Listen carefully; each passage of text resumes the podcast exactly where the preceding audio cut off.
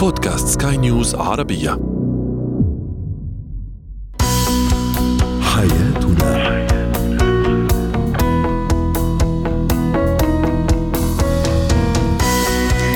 مستمعينا الكرام أهلا بكم معنا إلى حياتنا فضاؤكم اليومي الذي يعنى بشؤون الأسرة وباقي الشؤون الحياتية الأخرى والذي يمكنكم الاستماع إليه عبر منصة Sky News Arabia dot com slash podcast وباقي منصات سكاي نيوز العربيه الأخرى. معي أنا امال شابه.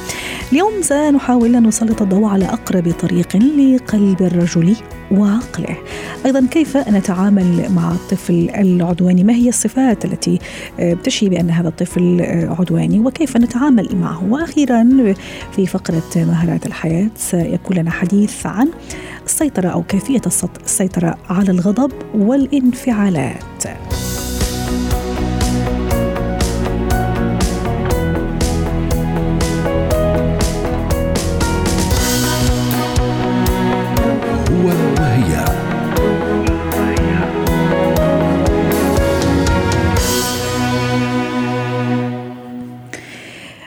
أقصر طريق إلى قلب الرجل وإلى عقله أيضا. كان هذا سؤالنا التفاعلي على منصات سكاي نيوز عربية وتفاوتت الإجابات بين أقصر طريق لقلب الرجل هو معدته مثلا وهذه مقولة شهيرة وشائعة. هل هذا صحيح؟ هناك من يقول أن أقصر طريق إلى قلب الرجل هو عقله فمتى ما وصلت المرأة إلى عقل الرجل فأكيد أنها تملكت قلبه. دعونا نتعرف على إجابة هذا السؤال من الناحية طبعا السيكولوجية. مع دكتور هاني الغامدي المحلل النفسي والمستشار الأسري والتربوي. يسعد أوقاتك دكتور هاني. ما هو أقصر طريق لقلب الرجل وعقله؟ ومن يسبق قلبه أم عقله؟ أهلا وسهلا بك السيدة أمال هلا. وبكل المستمعين والمستمعات الأكارم. إياكم تعتقدوا إنه كرشة الرجل هي الطريق اللي بالمقولة القديمة يا أمال. اللي هي معدته يعني. آه معدته كرشته طبعا إحنا نقول. كرشته معدته مستحيل تكون هي السبيل إلى الاحتواء اللي يهمنا في الأمر حقيقة وأنت ذكرتيها في المقدمة العقل طيب موضوع العقل يعني لازم تكون ذكية ولازم تكون لا لا لا العقل إنه يكفيه شرف انه عقلها يستطيع أن يفهم ويتفهم ماهية مستواه التفكير مستواه الفكري وطريقة التفكير الخاصة به. أيضا. ليش يكفي شرف؟ يعني ما فهمت. أنا أود يعني أتوقف عند هذا النقطة. هل لأنه يعني تفكيره شوي يعني مش سهل تفكيره أحيانا معقد. يعني ليش هذه الكلمة تحديدا؟ ابدا احسنتي في سؤالك. بمعنى إنه كل إنسان يا أمال عنده عالم متفرد. فيكفيني شرف إنه هذه المرأة الشريكة قدرت إنها تفهم تفكيري، قدرت تحتويني، قدرت انها هي تتفهم طريقة إعمالي العقلي. المرأة تحتاج حقيقة بشكل كبير إنه هي تتفاعل بشكل كبير في حتى تدرس هذا الرجل. وحقيقة في عندنا أمر مهم أيضا. يجب أن يكون هناك وعي عن ماهية الرجل ماهية الذكر. هذه أمور من الأمور المهمة جدا أن المرأة تتفهم ماهية الرجل وأيضا أن الرجل يتفهم من هي المرأة. يجب أن يكون عندنا وعي وإدراك بهذا العالمين المختلفين تماما. في الإعمال العقلي في مستوى التفكير في الذكاء في أمور كثيرة عشان نقدر نعيد توازن الأمور في فهمنا لبعضنا البعض. مهم. في في جواب أنا حابه أيضا أستوقف وأتوقف عنده أتصور إنه عميق صراحة. يقول إنه أنا أرى أن السيدة القوية المثقفة وفي نفس الوقت تلك التي لا تتعالى على الرجل وتدرك واقع الحال في بيتها وأضاف لها الوطن. ممكن الوطن إشارة للمجتمع إشارة لأشياء ممكن أوسع أيضا. ما رأيك دكتور؟ بمعنى أنه هي مثقفة أكثر منه لا لا هو يقصد أنه التي آه، تكسب قلبه وعقله هي القوية وفي نفس الوقت مثقفة وفي نفس في نفس الوقت لا تتعالى عليه يعني المرأة باختصار الذكية اللي تعرف كيف تحتويه. أو شكرا أنت قلت الكلمة المهمة يا أمال في الموضوع م. المرأة الذكية مهم. شوفي يا أختي المرأة الذكية هي التي قد تمتلك بعض العناصر أو بعض القوى لو جاز التعبير ولكنها تعمل utilization أو تعيد ترتيب الأمور تعيد موازنة هذه الأمور أمام هذا الشريك تحديدا. خليكي قوية في عملك خليكي قوية مع صديقاتك خليكي قوية مع المجتمع ولكن بذكائك الفطري الأنثوي يجب أنك تعيدي ترتيب الأمور مع الرجل. الرجل يحتاج إلى احتواء. دائما خلينا نحط خط فاصل. الرجل يحتاج إلى من تحتويه. هذه نقطة جدا مهمة. إذا عرفت المرأة بذكائها بغض النظر عما هو قد من الله عليها من فكر أو ذكاء أو مكانة أو مال أو غيره إذا عرفت كيف توازن إنه تمسك الخط هذا المهم في الاحتواء فمعناته هو وهي بخير. المصطفى صلوات الله وسلامه عليه تزوج الكبير عنه وتزوج الصغير عنه. كيف كان يحصل التواؤم يا أمال؟ من خلال ذكاء هؤلاء الإناث اللي هم السيدة خديجة والسيدة عائشة في في فهم ماهية هذا الرجل بمكانته العظيمة. وبالتالي كان هناك نعم بعض الاختلافات أو الخلافات خصوصا من السيدة خديجة وغارت أمكم وكثير من الأحاديث. ولكن ما زال الأمر إنه هي عارفة كيف تحتويه بالرغم من كبر سنه وصغر سنها، اذا لنا في رسول الله الأسوة الحسنة، أنت يا امرأة بذكائك وليس من خلال تنازلاتك وانه أنا غصب عني وانه هو المفتري علي وهو لازم اللي يسمع أسمع الكلام. لا لا لا, لا. خلينا نغير العنوان ونقول بذكائي الأنثوي أنا أستطيع إنه أنا اسر لب هذا الرجل واسر قلبه. وعلى فكرة حتى في القصص ضمن الحضارة العربية كثير من القصص يا أمال موجودة بإنه كيف مرأة بتجيب راس على قولتهم بتجيب راس شيخ كبير أو بتجيب راس آه، رجل مهم. كيف تحتويه بالرغم من إنه قد تكون هي من عامة القوم. اذا إحنا من المفترض اليوم يا كل سيدة وكل بنت وكل أخت تسمعنا عيدي ترتيب الأمور داخل رأسك وهو ليس من باب التنازل، ليس من باب المهانة، ليس من باب إنه أنا مفروض علي إنه أفهم هذا المخلوق وهو بيفتري علي، لا لا لا, لا. عيدي ترتيب الكلمة وخليكي بذكائك تستطيع أن تاسري قلب هذا الرجل بقدر المولى عز وجل. طالما هناك حب متبادل بين الطرفين احترام متبادل بين الطرفين تستطيع بقول المولى عز وجل أن تأسري. لكن لو جينا أمام شخص يعمل وما منه خير؟ هو أصلا شخصية نرجسية وعنده تخصص أها أنا كنت راح أسألك والله على هذا السؤال دكتور هاني. موضوع مثلا الشخصية موضوع السن أيضا المرحلة العمرية هل الأمور هون تختلف؟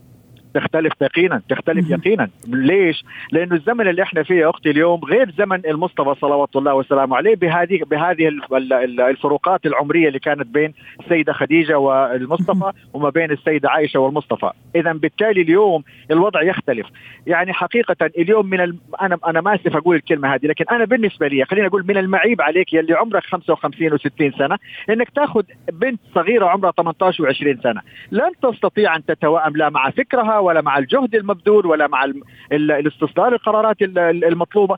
اذا بلاش نكون يعني في عندنا بون كبير بين طرفين أو إنه شخصية نرجسية مثلا أو شخصية عندها بعض التأثرات من بيئة معينة وجايين عنده اختلالات عقلية أو نفسية أو عنده تراكمات أو أمراض نفسية. هذا يخرج بر الموضوع حقنا اليوم. اذا بالتالي نحن نتحدث اليوم يا أمان عن رجل متوازن وامرأة متوازنة ضمن الشراكة المعروفة اللي هي بيت الزوجية، هنا نقول يا امرأة بذكائك افعلي اللي إحنا ذكرناه اليوم، أما من هم خارج هذا الأمر فهم الله هو العالم إنه أعتقد إنه مش أعتقد يقينا الأمر لن يكون applicable ولن نستطيع تطبيقه مع شخصيات نفسية أو مريضة أو خلاف. دكتور هاني حتى أختم معك أيضا من اللي يسبق؟ يعني قلبه أم عقله؟ يعني أنا متى ما وصلت لقلبه معناتها وصلت لعقله ام أم مش يعني الأمر أيضا نسبي؟ آه. قبل ما تكملي. قلبه قلبه. قلبه. يا جماعة الخير قلبه. الرجل ما يحب إنه يكون مع حالة حب بعقل. ما ينفع. العقل خليه في العمل خليه في مشاريعك خليه مع الآخرين مع الزوج مع الشريك خليك بقلبك خلي قراراتك القلبية هي اللي تدق على وترها وليس القرارات العقلانية. نعم. نحتاج إلى قرارات عقلانية في بيت الزوجية يا أمال من الوضع الاقتصادي، المصروف العام، استصدار قرارات معينة وإلى آخره، لكن في تعاملاتي الشخصية مع هذا الرجل من خلال القرارات القلبية أرجوكم والعاطفية تأثريه وتخليه خاتم في اصبعك. شكرا لك دكتور هاني الغمدي المحلل النفسي والمستشار التربوي والأسري ضيفنا من جدة.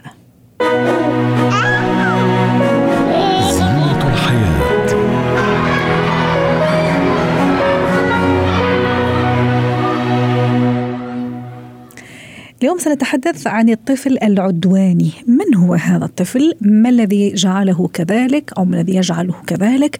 وكيف أتعامل معه؟ للحديث عن هذا الموضوع تنضم إلينا عبر الهاتف دكتورة فادية دعاس الخبيرة التربوية. سعد أوقاتك دكتورة فادية. أولا ما الذي يجعل طفل عن آخر عدواني؟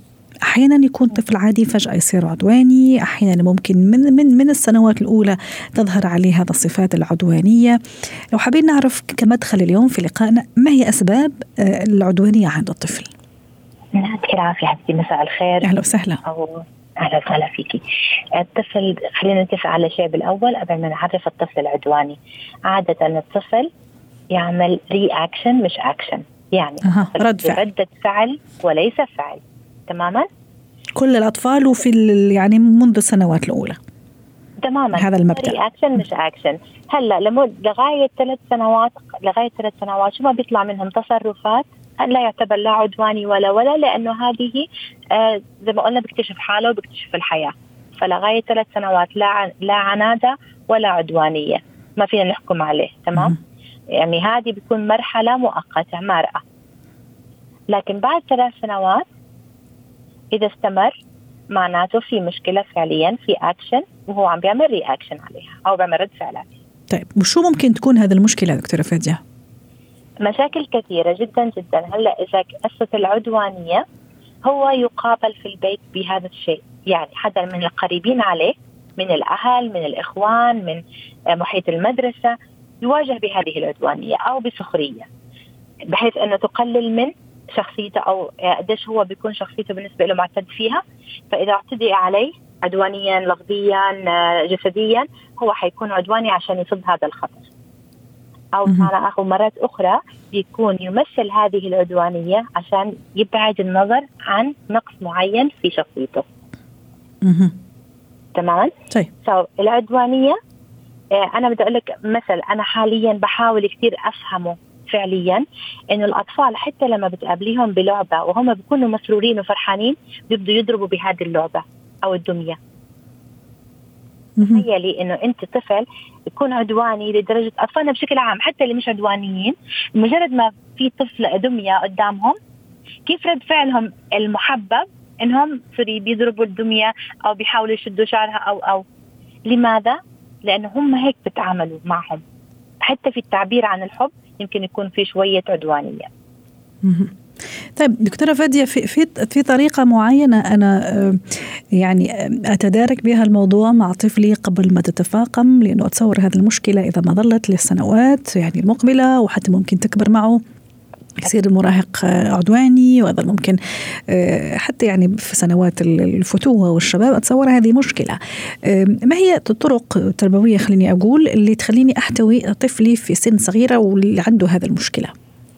أول شيء لازم زي ما قلنا البيئة الصالحة في المنزل والنموذج. أنت كأم وأب تكونوا نموذجين. بمعنى آخر إنه ما نعتز زي ما قلنا على الطفل لأنه إحنا ما عندنا وقت وما عندنا خلق وما عندنا كذا فبنتركه آه، لوحده.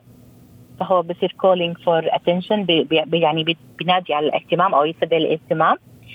آه، فبصير يتصرف بهاي العدوانية عشان يثبت إنه أنا قوي وأنا موجود و و الاهتمام ثم الاهتمام في المنزل ملاحظة أصدقائه من هم أصدقائه الزملاء الرفقاء وفي المدرسة أو في المعهد أو يعني المد- المدرسة أو المكان اللي بيدخل يدرس فيه أو النادي أو أو. لازم كمان نشوف إنه لا يتعرض إلى التنمر أو الاستقواء.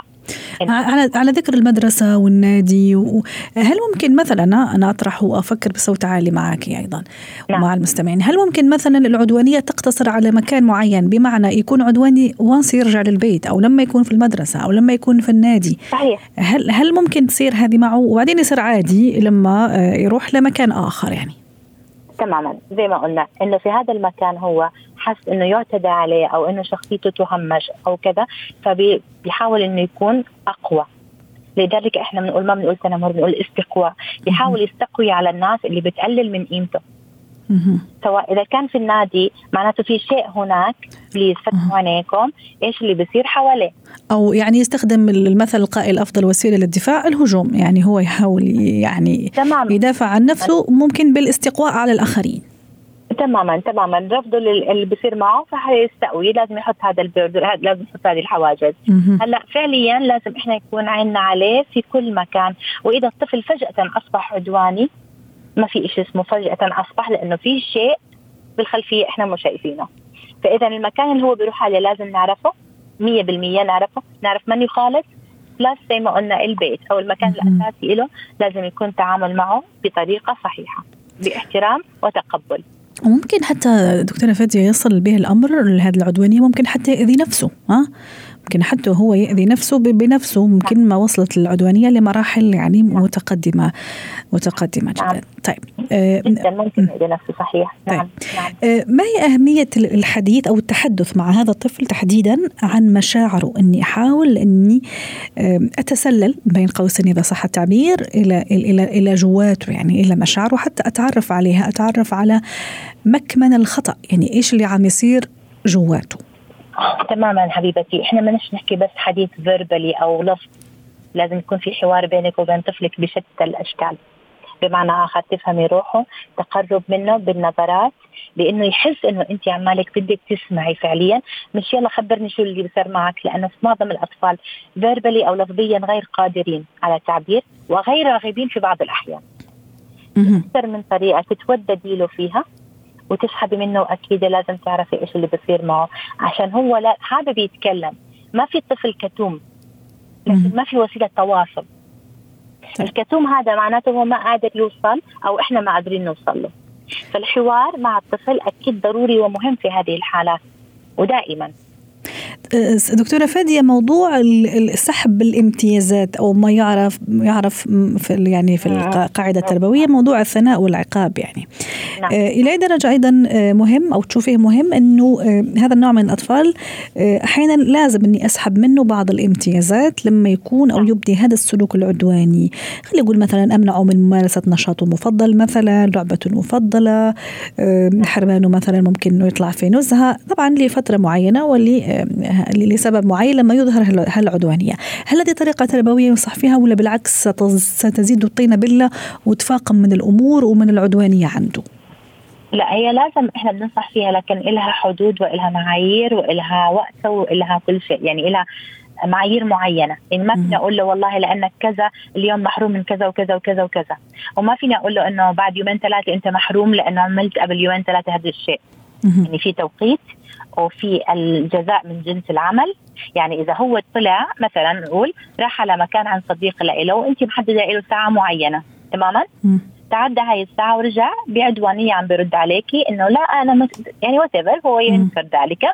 فأنت بتقولي له المرة القادمة ما في تذهب. ما راح تذهب لمدة أسبوع كامل أو ما راح تروح المكان الفلاني اللي أنت بتحبه لمدة أسبوع كامل. لازم يعرف إنه في قوانين طيب. وفي أشياء صح وخطأ. هذا لازم طيب.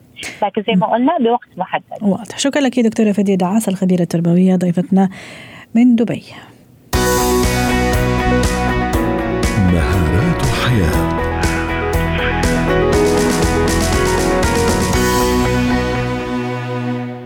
اليوم في مهارات الحياة سنتحدث عن كيفية ضبط مشاعر الغضب. وللحديث عن هذا الموضوع تنضم إلينا عبر الهاتف زينب الحسن مدربة حياة سعد أوقاتك ست زينب. معروف ومعلوم أنه الغضب شيء طبيعي. شعور انفعالي طبيعي جدا. هو رد فعل عن مشاعر استياء عن شيء أنا مش مبسوطة ليه ولا شيء أنا عاجبني في الحقيقة.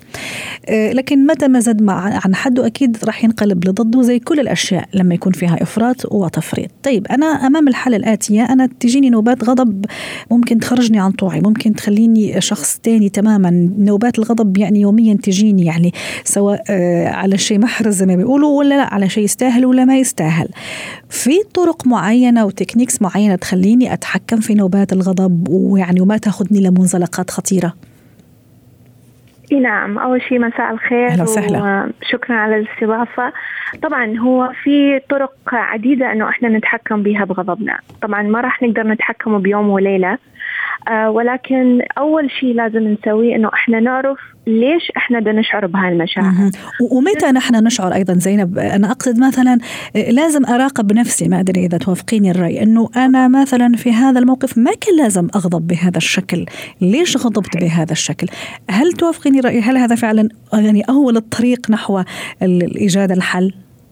نعم هو هذا أول الطريق. لما أنا أفهم مشاعري وأعرف ما هو المسبب أو ما هو اللي أثارني إنه أني أدخل بنوبة غضب أو ممكن أقول أتخلى عن تحكمي بمشاعري وغضبي. ذاك الوقت إحنا ممكن نبدي نشتغل على نفسنا باتجاه إنه نقدر نبدي نتحكم ونتخلص من نوبات الغضب الغير متحكم بها. جميل. طيب خلاص. أنا أنا أنا عرفت إنه ترى هذا الموقف ما كان لازم أكون فيه. يعني غاضبة بهذا بهذا يعني الشكل. طيب إيش إيش الخطوة الجاية اللي لازم أنا أتصرفها؟ تمام. هلا إذا إحنا مرت نوبة الغضب وصار عندنا نوع من التأنيب ليش اني تصرفت بهالطريقة؟ أو آه ليش اني خليت آه الشخص اللي قدامي يثيرني؟ الطريقة المثلى لما بعد نوبة الغضب هو الكتابة. فأي شخص اللي هو يصير عنده حالة من تأنيب الضمير آه بعد نوبة غضب يكتب آه شو اللي صار المشاعر اللي مر بيها؟ شنو شنو الأفكار اللي انتابتها خلال نوبة الغضب؟ لما ندي ممكن نقول نجد حل للتحكم بنوبات الغضب. زين أكو في طريقه جدا فعالة وإحنا يعني نستعملها آه، بالجلسات مع ال آه، بالاستشاره هي نقطة خداع العقل. إحنا لما ندخل في نوبة غضب اللي راح يصير في نوع من الدائرة الغضب اللي راح تتحكم بينا. فعلى مود أكثر هذه الدائرة الطريقة المثلى هو عمل تنفس عميق. وأني أنصح المستمعين أنه يستعملون آه تمرين التنفس اللي هو خمسة خمسة خمسة اللي أني أخذ نفس عميق لمدة خمس عدات أكبت النفس أو أمسك النفس لمدة خمس عدات وثم أسفر النفس لمدة خمس عدات. هي راح تاخذ منا 15 ثانية بالضبط ولكن هذا التمرين سيكسر دائرة الغضب وراح يخلي الجسم والعقل يدخل في في في موجة هدوء. طب هذا التمرين قبل ما يعني يستفزني الموضوع أدخل في نوبة الغضب ولا بعد ما تخلص هذا النوبة لا. وتعدي يعني؟ في في يعني في لحظة الاستفزاز. يعني أنا يعني داخلة في حديث مع شخص. زين بعد ما انتهاء ال ال ال نوبة الغضب أو ممكن نوبة الاستفزاز ممكن أني أبدي أشتغل على تمارين تخليني أفهم الهدوء أو السكون الداخلي. ممكن أعمل تمارين تأمل ممكن أعمل تمارين يوغا ممكن أطلع أمشي يعني أمشي رياضة ألعب رياضة. التمارين في, البعض يقول لك مثلا عد مثلا العشرة قبل ما تدخل في هذه النوبة أو قبل ما ترد مثلا بشكل عنيف أو تتصرف بشكل عنيف أو غير حتى مكانك يعني. إذا مثلا أنت جالسة ممكن ترجعي تقومي أو العكس صحيح حتى نغير ال mood شوي. تمام. هو ممكن الإنسان يعد للعشرة ممكن يعمل تمارين التنفس ممكن يستأذن من الحوار يمشي لبعض خطوات بعيدة عن مكان الحوار ويرجع. هاي كلها عبارة عن طريقة أنه إحنا نهدئ نفسنا. على مود لما نرجع للحوار ما حنكون بنفس الانفعالية اللي كنا فيها في بداية الحوار. جميل. ست زينب في البعض أيضا يستخدم الفكاهة أه كأسلوب لتخفيف التوتر وحتى ما يدخل في هذا النوبة. بمعنى في شيء مرة استفزه يعني استفزه بشكل كبير جدا لكن يحاول إنه يلاقي له مخرج بشكل يعني فني شوي أو يعني حتى يطلع من منها. هل أيضا هذه من الطرق خلينا نقول الذكية أو التكنيكس اللي ينصح فيها؟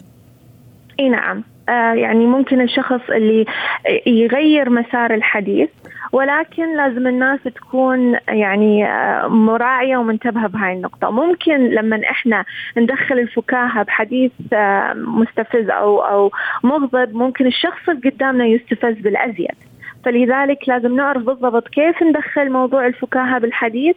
ممكن كذلك إنه إنه نحط إيدينا على رجلينا. بهاي الطريقة إنه أني لما يصير أكو نوع من التاتش بيني وبين يعني بين إيدي وبين رجلي أهدأ عملية التوتر اللي أني بيها. وكذلك من الأشياء اللي يعني ممكن الشخص يعملها هو يستعمل الكلام الداخلي يعني يستعمل كلام اهدأ استرخي تنفس. فهاي الطريقة آه مع نفسه يعني مع نفسه. مع نفسه ويشتت. يشتت آه، انت يعني ممكن يشتت عقله وانتباهه ويدير الحوار الداخلي. يعني إحنا شو اللي يصير لما إحنا نغضب؟ في في حوار داخلي كيف أرد على الشخص اللي قدامي؟ أو أو كيف أنا ممكن أرتب أفكاري على مود أني أقدر أرد على الشخص اللي مستفزني. فبهاي الطريقة نبدي نغير الحوار الداخلي ويخلينا نهدأ وممكن ما نوصل لمرحلة إنه نستفز الشخص اللي قدامنا وبعدين يصير عندنا حالة من الندم على الكلام. اللي طب زينب آخر سؤال وباختصار متى آه، أطلب المساعدة؟ متى ما يعني آه، أقول إنه لا أنا الموضوع خرج عن السيطرة ولازم أطلب المساعدة وباختصار. لما الشخص يكون عنده حالة غضب ويفقد السيطرة على نفسه لما ما يكون واعي بحالة في لحظة الغضب ذاك الوقت آه، يروح يشوف إنسان مختص وممكن يأذي حتى نفسه أحيانا ويأذي اللي حواليه ممكن يرتكب لا سمح الله أشياء ممكن يندم عليها بعدين. شكرا لك زينب الحسن مدربة مهارات الحياة ضيفتنا من دبي. حياتنا.